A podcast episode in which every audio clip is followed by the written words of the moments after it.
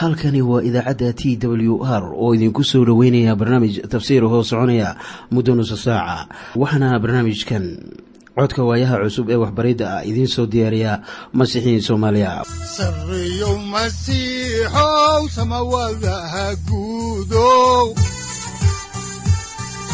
Siraadkii adduunkow subanaha eebow sareyow masiixow samawadaha guudow siraadkii adduunkow subanaha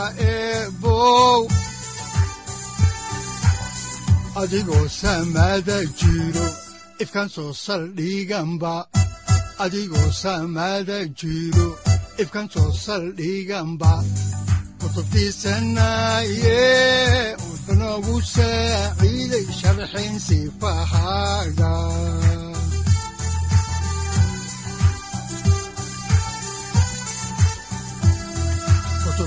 kutubtiisinayo ebnagu saaciid sharxin sifahaaga ku soo dhowaada dhegaystayaal barnaamijkeenna dhammaantiinba.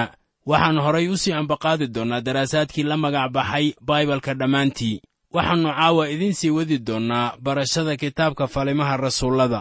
Kitaabka falimaha rasuullada waa kitaab taariikhi ah oo ay tahay in qof waliba wax uu ka barto si uu ku garto taariikhda kitaabka axdiga cusub. Waxaanan caawa idiin bilaabi doonnaa cutubka shan iyo labaatanaad. Maryanu bikraaba masiixii dhasho markaasaa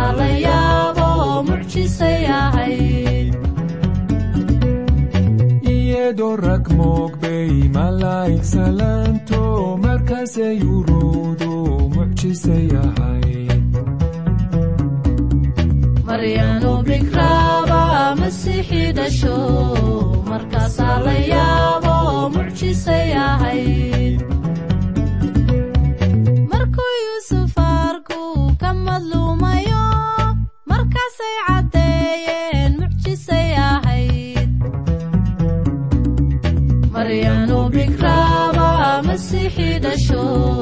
markaasaa la yaabo mucjisay ahayd xidigtii masiixa maqawirakeeno markaasay caddeeyeen mucjisay ahayd maryanu bikraaba masiixii dhasho markaasaa la yaabo mucjisay ahayd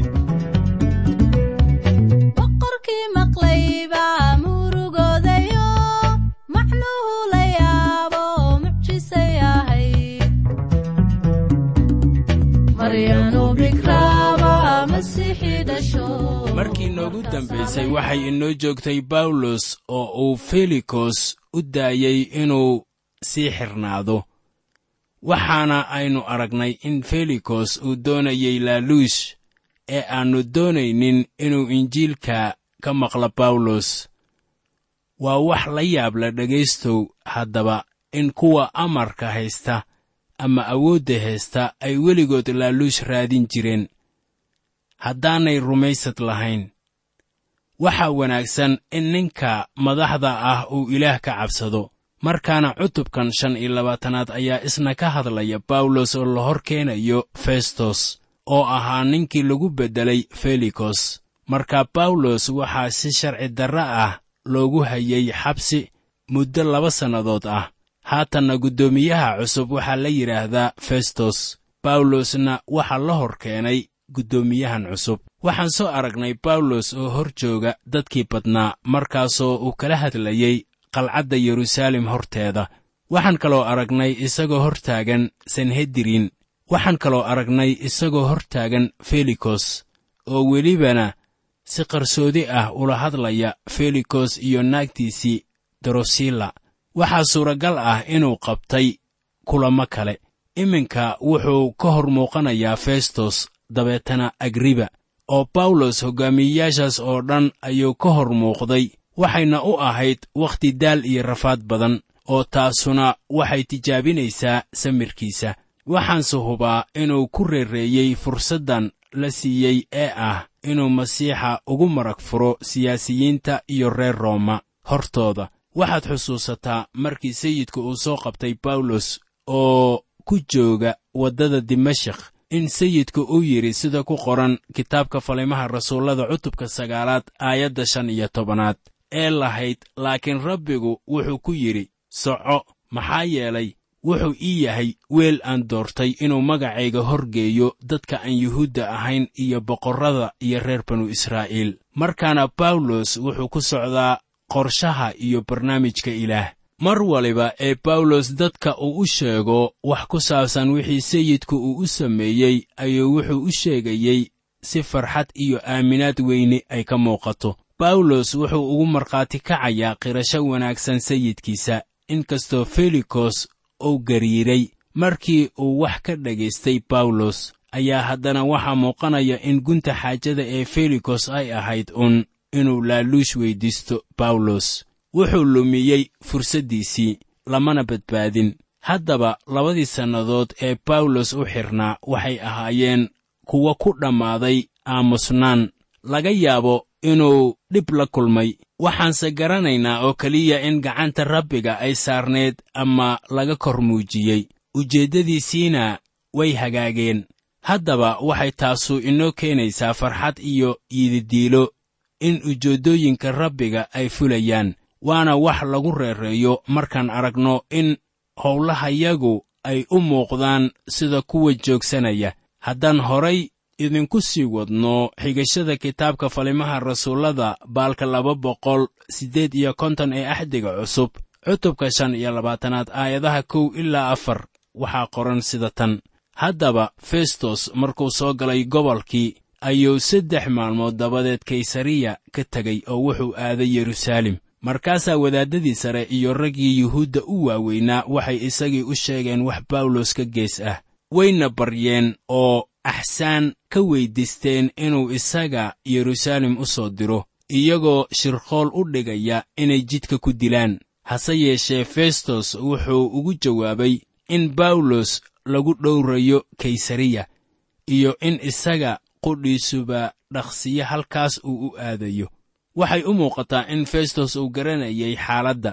Waxaan aniga rumaysanahay in felikos uu u sheegay wax ku saabsan xarigga bawlos waxaanan u malaynayaa inuu sharaxaad dheer ka siiyey xaaladda. Waxaan hubaa inuu festos u sheegay asbaabtii kaysariya loo keenay bawlos inay ahayd ammaankiisa aawadeed. Waayo yuhuudda ayaa doonaysay inay isaga ku dilaan yeruusaalem haddaba markii uu booqanayey magaalada yeruusaalem ee uu arkay yuhuuddii oo ay weyddiisteen in bawlos la keeno yeruusaalem ayuu wuxuu ku yidhi war anigu halkan keeni maayo oo aniga qudhayda ayaaba kaysariya aadaya mana doonayo inaan joogo yeruusaalem waxaa haddaba halkan jooga nin kale oo reer rooma ah oo aan doonaynin inuu yeruusaalem sii joogo balse ka doortay inuu kaysariya xarun ka dhigto cadaawayaashii bawlos wakhti kama lumin sidii guddoomiyahan cusub ay ugu qasbi lahaayeen inuu xukumo bawlos garan maayo in festos uu dhab ahaan og yahay qorshaha ay doonayaan inay bawlos gaadmo ku dilaan. Waxaan u malaynayaa inuu ogaataas laakiin ma aannu odhan waxaad doonaysaan inaad dishaan. Haddaba wuu diiday codsigoodii wuxuuna taasi ugu beddelay in iyaga ay yimaadaan kaysariya oo dooddooda ay hor keenaan kursiga xukuumadda. Haddaan horay u sii wadno xigashada kitaabka oo aan eegno cutubka shan iyo labaatanaad ee kitaabka falimaha rasuullada aayadaha shan ilaa toddoba waxaa qoran sida tan oo wuxuu ku yidhi haddaba kuwa idinku jira oo amarka lahu aniga ha ila tageen oo haddii ninkaasu wax qallooc ah leeyahay iyagu ha dacweeyeen isaga oo markuu iyagii dhex joogay in aan ka badnayn siddeed ama toddoba maalmood ayuu wuxuu aaday kaysariya. kolkaasuu maalintii dambe fadhiistay kursigii xukuumadda oo wuxuu amray in bawlos la keeno oo kolkuu yimid yuhuuddii yeruusaalem ka timid ayaa hareerihiisii soo istaagtay oo waxay keeneen dacwooyin badan oo waaweyn oo ayaan iyagu xaqiijin karin. Bawlos mar kale ayaa loogu yeedhay inuu iska difaaco eedaynta yuhuudda haddaba waxay dacwadaas iyo isdifaacaasi bawlos ay siisay fursad xaakinkan festos ah uu ku arko oo lagu hor keenayo injiilka. Haddaan horay idinku sii wadno xigashada kitaabka cutubka shan iyo labaatanaad aayadaha siddeed ilaa sagaal waxaa qoran sida tan. Markii bawlos uu isdifaacayey ayuu wuxuu yidhi anigu innaba kuma dembaabin sharciga yuhuudda ama macbudka iyo kaysartoona laakiin festos isagoo doonaya inuu yuhuudda kaga farxiyo ayuu wuxuu ku jawaabay oo bawlos ku yidhi ma doonaysaa inaad yeruusaalem tagto oo waxyaalahan halkaasi hortayda lagugu xukumo? Haddaba festos wuxuu ahaa nin balaayo ku dhacday. Ma ahan in bawlos uu soo galay xero tuug oo keliya laakiin wuxuu soo dhex galay hormo wax matarayaal ah haddaan horay idinku sii wadno dhegaystayaal. Aayadda tobanaad ee isla cutubkan waxaa ku qoran sida tan. Laakiin bawlos wuxuu yidhi anigu waxaan hortaaganahay kursigii xukuumadda oo kaysar. Halkaanay igu waajib tahay in laygu xukumo. Aniga yuhuudda innaba xumaan kuma aanan samaynin. Sidaad aad adigaba ugu og tahay. Dadka qaar bay la tahay in bawlos uu ku qaldanaa codsigan uu u dirsaday kaysar waxay la tahay inay u roonayd inuu ku daayo xaalka dacwadiisa gacmaha festos saaxib miyaadan arkaynin in festos uu ku gorgortamayo nolosha bawlos si uu siyaasad ahaan magac kaga helo dadka yuhuudda ah.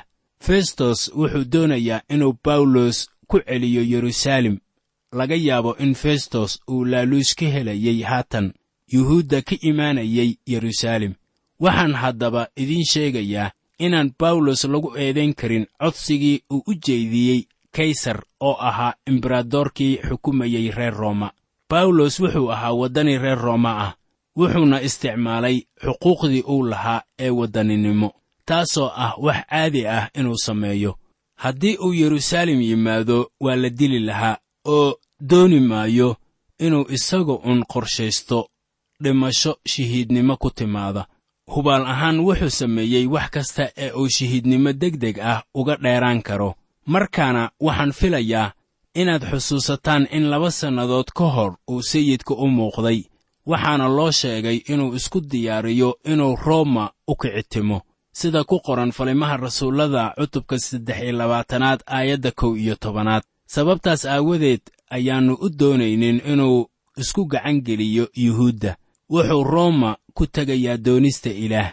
Inkastoo weliba uu silsillado ku xidhnaan doono markii uu safarka gelayo hase yeeshee waxaa cad inaan sayidku u sheegin sida uu ku tegayo rooma. Laakiin waa dariiq ilaah uu u diyaariyey markii bawlos warqadda uu u qoreeyey reer rooma. Wuxuu ku yidhi waxaan ilaah ka baryey inaan awoodo inaan soo gaaro rooma wuxuuna weyddiistay masiixiyiintii reer rooma inay u duceeyaan si uu halkaasi ku soo gaaro. Waxaanay taasu ku qoran tahay warqaddiisii reer rooma cutubka koowaad aayadaha sagaal ilaa toban iyo cutubka shan iyo tobanaad aayadaha kow iyo soddon ilaa laba iyo soddon. Markaa safarkiisii reer rooma wuxuu ahaa mid ilaah raalli uu ka yahay oo qorshihiisa waafaqsan haddaan dib ugu noqonno xigashada kitaabka falimaha rasuullada aayadda kow iyo tobanaad ee cutubka shan iyo labaatanaad waxaa qoran sida tan. Haddaba haddii aan xumaan falay oo aan galay wax dhimasho istaahila geeri diidi maayo laakiin waxyaalahan ay kuwanu igu dacwaynayaan haddii aan wax run ah lagu arag ninna iima gacangelin karo iyaga. Waxaan u ashtakoonayaa kaysar waxaana halkan laga garan karaa in samirkii bawlos uu soo yaraanayo. Reer rooma waxaa lagu yaqaannay inay caddaaladda adkeeyaan. Bawlosna xukuumadda wuxuu u hayey xushmad. Haddaba bawlos wuxuu la'yahay caddaaladdii markaana halkan ayuu bilaabay inuu cabasho u dirsado boqorka.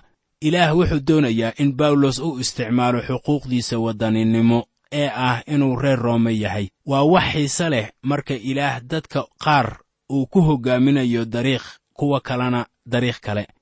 Qaar ka mid ah dadka kale ayaan sheegan lahayn xuquuqdooda waddaninimo oo waxay jeclaan lahaayeen in mucjiso lagu hoga tusaaleeyo. Haddaba waxaa la doonayaa waxyaabaha rabbigu uu kugu sharfo ee xuquuqda ah ee aad leedahay inaad isticmaasho. Haddii ay kula noqoto inaan ilaah ku siinin sharaf iyo xuquuq aad xaqaaga ku dhacsato. Waa hubaal inuu xooggiisa kugu garsoori doono.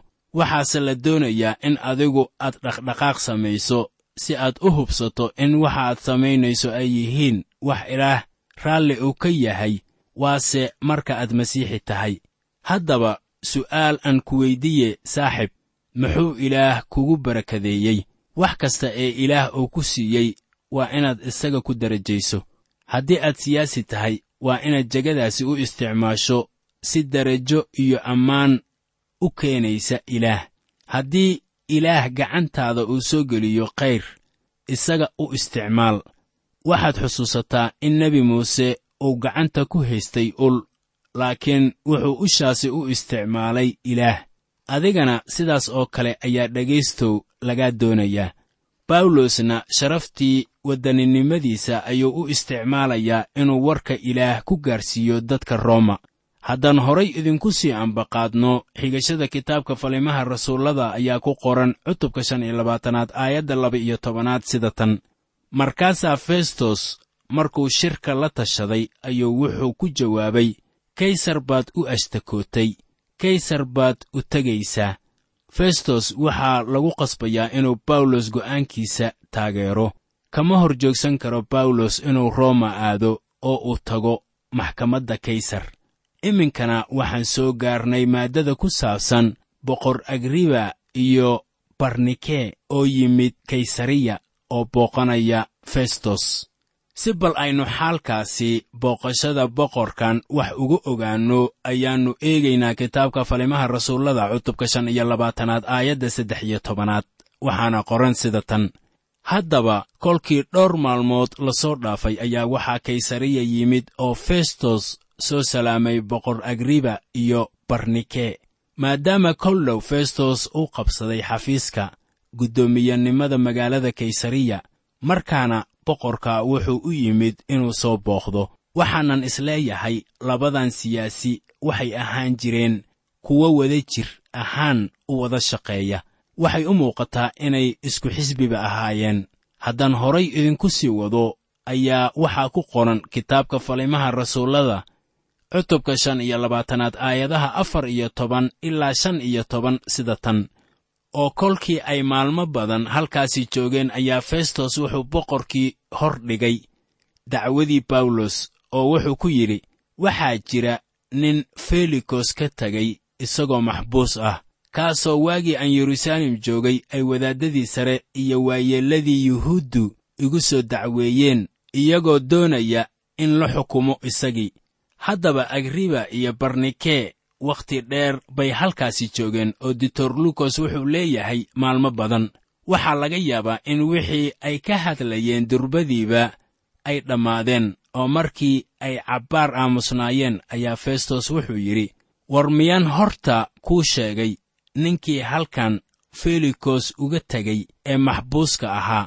Waxay u muuqataa in dacwadan ninkaasi lagu soo oogay ayaan toosneen ninkaas waxaa la yidhaahdaa bawlos oo waxaa soo qabtay ninka la yidhaahdo felikos meeshan buuna uga tegey. Waxaan markaasi jeclaan lahaa inaad dacwadiisa dhegaysato haddaan horay idinku sii wadno xigashada kitaabka oo aan eegno aayadda lix iyo tobanaad ee isla cutubkan waxaa qoran sida tan.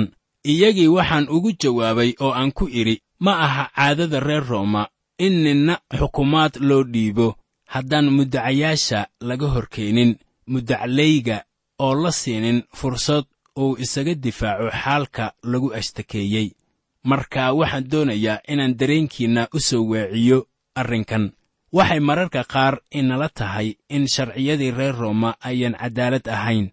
Waayo waxaannu aragnay sida loo marin habaabiyey dacwadii ciise masiix iyo xaalkan bawlos oo iminka taagan. Haddaba taasu kuma imaanin in sharcigii reer rooma uu xumaa laakiin waxay ku timid in siyaasiyiintu ay ahaayeen kuwo balaayo ku dhacday. Baryahakan casriga ayaannu isticmaalnaa sharcigii ay beri hore reer roome isticmaali jireen ama ay ku dhaqmi jireen ee ahaa inaan ninna dembiile ahayn ilaa la hor keeno maxkamadda isagoo ka hor muuqanaya kuwii dacwada qabay si dembiyadiisa loo dhammeeyo. Haddaan horay idinku sii wadno aayadaha toddoba iyo toban ilaa sagaal iyo toban waxaa qoran sida tan. Haddaba markii ay halkan wada yimaadeen anigu innaba siima aan raagin ee maalintii dambe ayaan waxaan ku fadhiistay kursigii xukuumadda oo waxaan amray in ninka la keeno. Laakiin markii ay muddacayaashii istaageen ma ay keenin innaba wax xumaan ah oo u eg wixii aan filanayey laakiin waxay lahaayeen su'aalo isaga ka gees ah oo ku saabsan diintooda iyo mid ciise la odhan jiray oo dhintay laakiin bawlos uu leeyahay waa nool yahay. Haddaba xaalkan weli waa sidiisii waxaa lagu murunsan yahay sare kicidda waxaanan arkaynaa ama aan halkan ka ogaanaynaa in bawlos markhaati uu ka ahaa sare kiciddii ciise masiix. Markaana festos wuxuu garanayay xaalkaasi ku saabsan sayid ciise masiix haddaan horay idinku sii wadno aayadaha labaatan ilaa laba iyo labaatan ee cutubka shan iyo labaatanaad ee kitaabka falimaha rasuullada waxaa qoran sida tan. Haddaba anigoo ka shakiyaya sidii aan waxyaalahan u sii haybin lahaa ayaan waxaan isagii weyddiistay bal inuu yeruusaalem tegayo oo meeshaasi lagu xukumo waxyaalahan iyo in kale. Laakiin markii bawlos uu doonayey in la sii daayo ilaa boqorku uu gargooyo waxaan amray in la sii hayo ilaa aan isaga kaysar u diro. Markaasaa agriba wuxuu festos ku yidhi aniguba waxaan jeclaan lahaa inaan ninkan maqlo. Markaasuu yidhi berritaad maqlaysaa. Waxaa haddaba aad mooddaa in festos uu soo dhex galay xaalad wareer badan. Waxaa bawlos lagu soo eedeeyey fidnawade sababtaas aawadeedna dhimasho ayaa u qoran. Laakiin haddana bawlos wax uu sameeyey ma jiraan. Iminka bawlos wuxuu cabasho u dirsaday kaysar.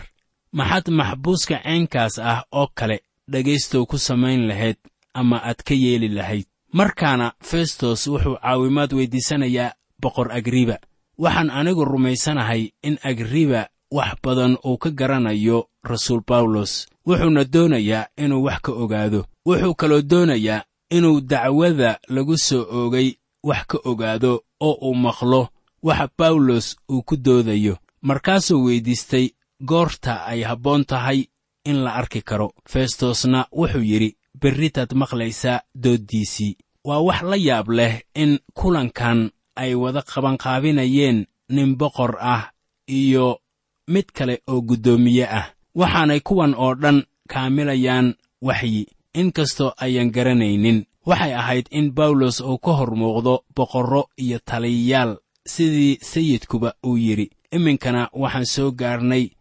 dhegaysigii dacwadii bawlos isagoo markan hor jooga boqor agriba iyo festos. Si bal aynu xaalkaasi wax uga ogaanno ayaa waxaa habboon inaan eegno kitaabka falimaha rasuullada cutubka shan iyo labaatanaad aayadda saddex iyo labaatanaad. Waxaa qoran sida tan sidaas daraaddeed maalintii dambe ayaa agriba iyo barnikee waxay la yimaadeen bandhig weyn oo waxay soo galeen maxkamaddii iyaga iyo nimankii sare iyo raggii magaalada ugu waaweynaa. Markaasaa festos wuxuu amray in bawlos loo keeno war maxaa dad isugu yimid halkan? Miyaa weligii nin wacdiye ah uu helay fursaddan uu ku wacdinayo dadkan sharafta leh ee waaweyn? Waxaa halkan ka dhacay bandhig iyo damaashaad. Bawlos oo xirxidhan ayaa la hor keenayaa marti sharaf iyo boqorro. Festos wuxuu weyddiisanayaa agriba inuu raadiyo qiil lagu horgeeyo ninkan kaysar oo loo raadiyo dacwad si bawlos sharci ahaan uga hor muuqdo kaysar. Haddaan horay idinku sii wadno xigashada kitaabka falimaha rasuullada cutubka shan iyo labaatanaad aayadaha shan iyo labaatan ilaa toddoba iyo labaatan waxaa qoran sida tan laakiin waxaan ogaaday inuusan samayn innaba wax dhimasho istaahila oo isagoo qudhiisaba wuxuu u ashtakooday boqorka. Sidaas daraaddeed waxaan goostay inaan isaga diro. Haddaba anigu ma hayo wax xaqiiqo ah oo ninkan ku saabsan oo aan sayidkayga u qoro. Sidaas daraaddeed ayaan isaga hortiinna u keenay iyo khusuusan adiga hortaada boqor agribow in kolkii loo imtixaamo dabadeed aan helo wax aan qoro. Waayo waxay iila eg tahay caqliyaraan in maxbuus la diro iyadoo aan aad loo xaqiijinin wixii lagu ashtakeeyey. Fursaddan ayuu bawlosna helayaa wakhti ku habboon oo la jeediyo khudbad ka mid ah kuwa ugu waaweyn ee qorniinka ku qoran. Maadaama aan hubo inaad aad u jeclaysateen habsami u socodkii qisadan ku qoran kitaabka falimaha rasuullada ayaannu iminka soo gaarnay dhammaadka cutubkii shan iyo labaatanaad iyo weliba cashirkeennii caawa. Habeenka xiga ayaannu dhegaystayaal halkaasi idinka sii wadi doonnaa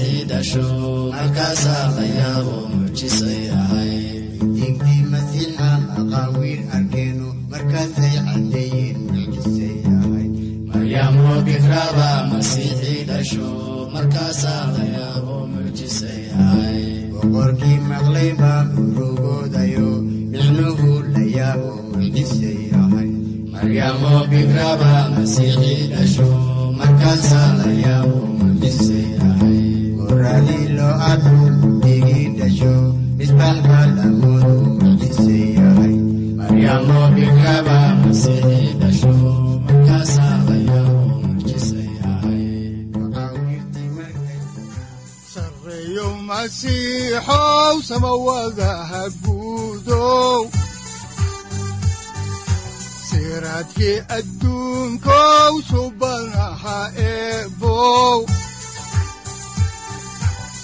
adigoo samada jiro ifkan soo saldhiganba adigoo samada jiro ifkan soo saldhiganba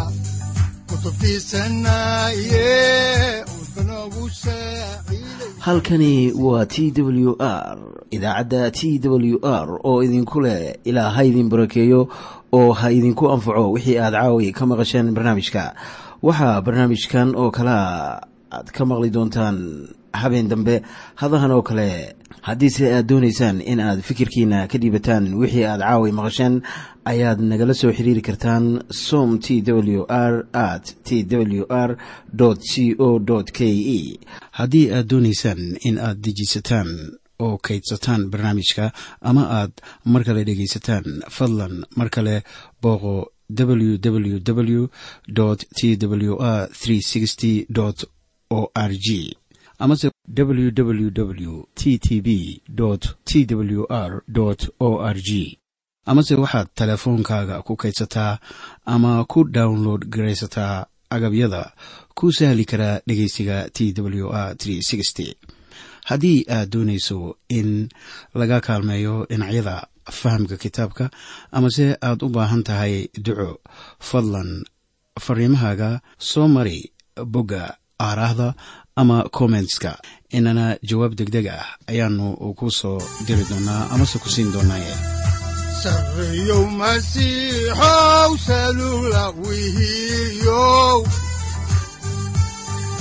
saacadda timid dhulka sabada ku dhalatiyo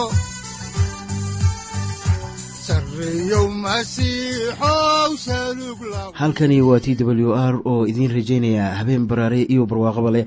Inta aynu ka gaari doono wakhti aynu ku kulanno barnaamij la mida kan caawayay aad maqasheen. Waxa aan idinku leeyahay nabadda ciise masiix ha idinku badato xagga jidhka iyo ruuxaba. Aamiin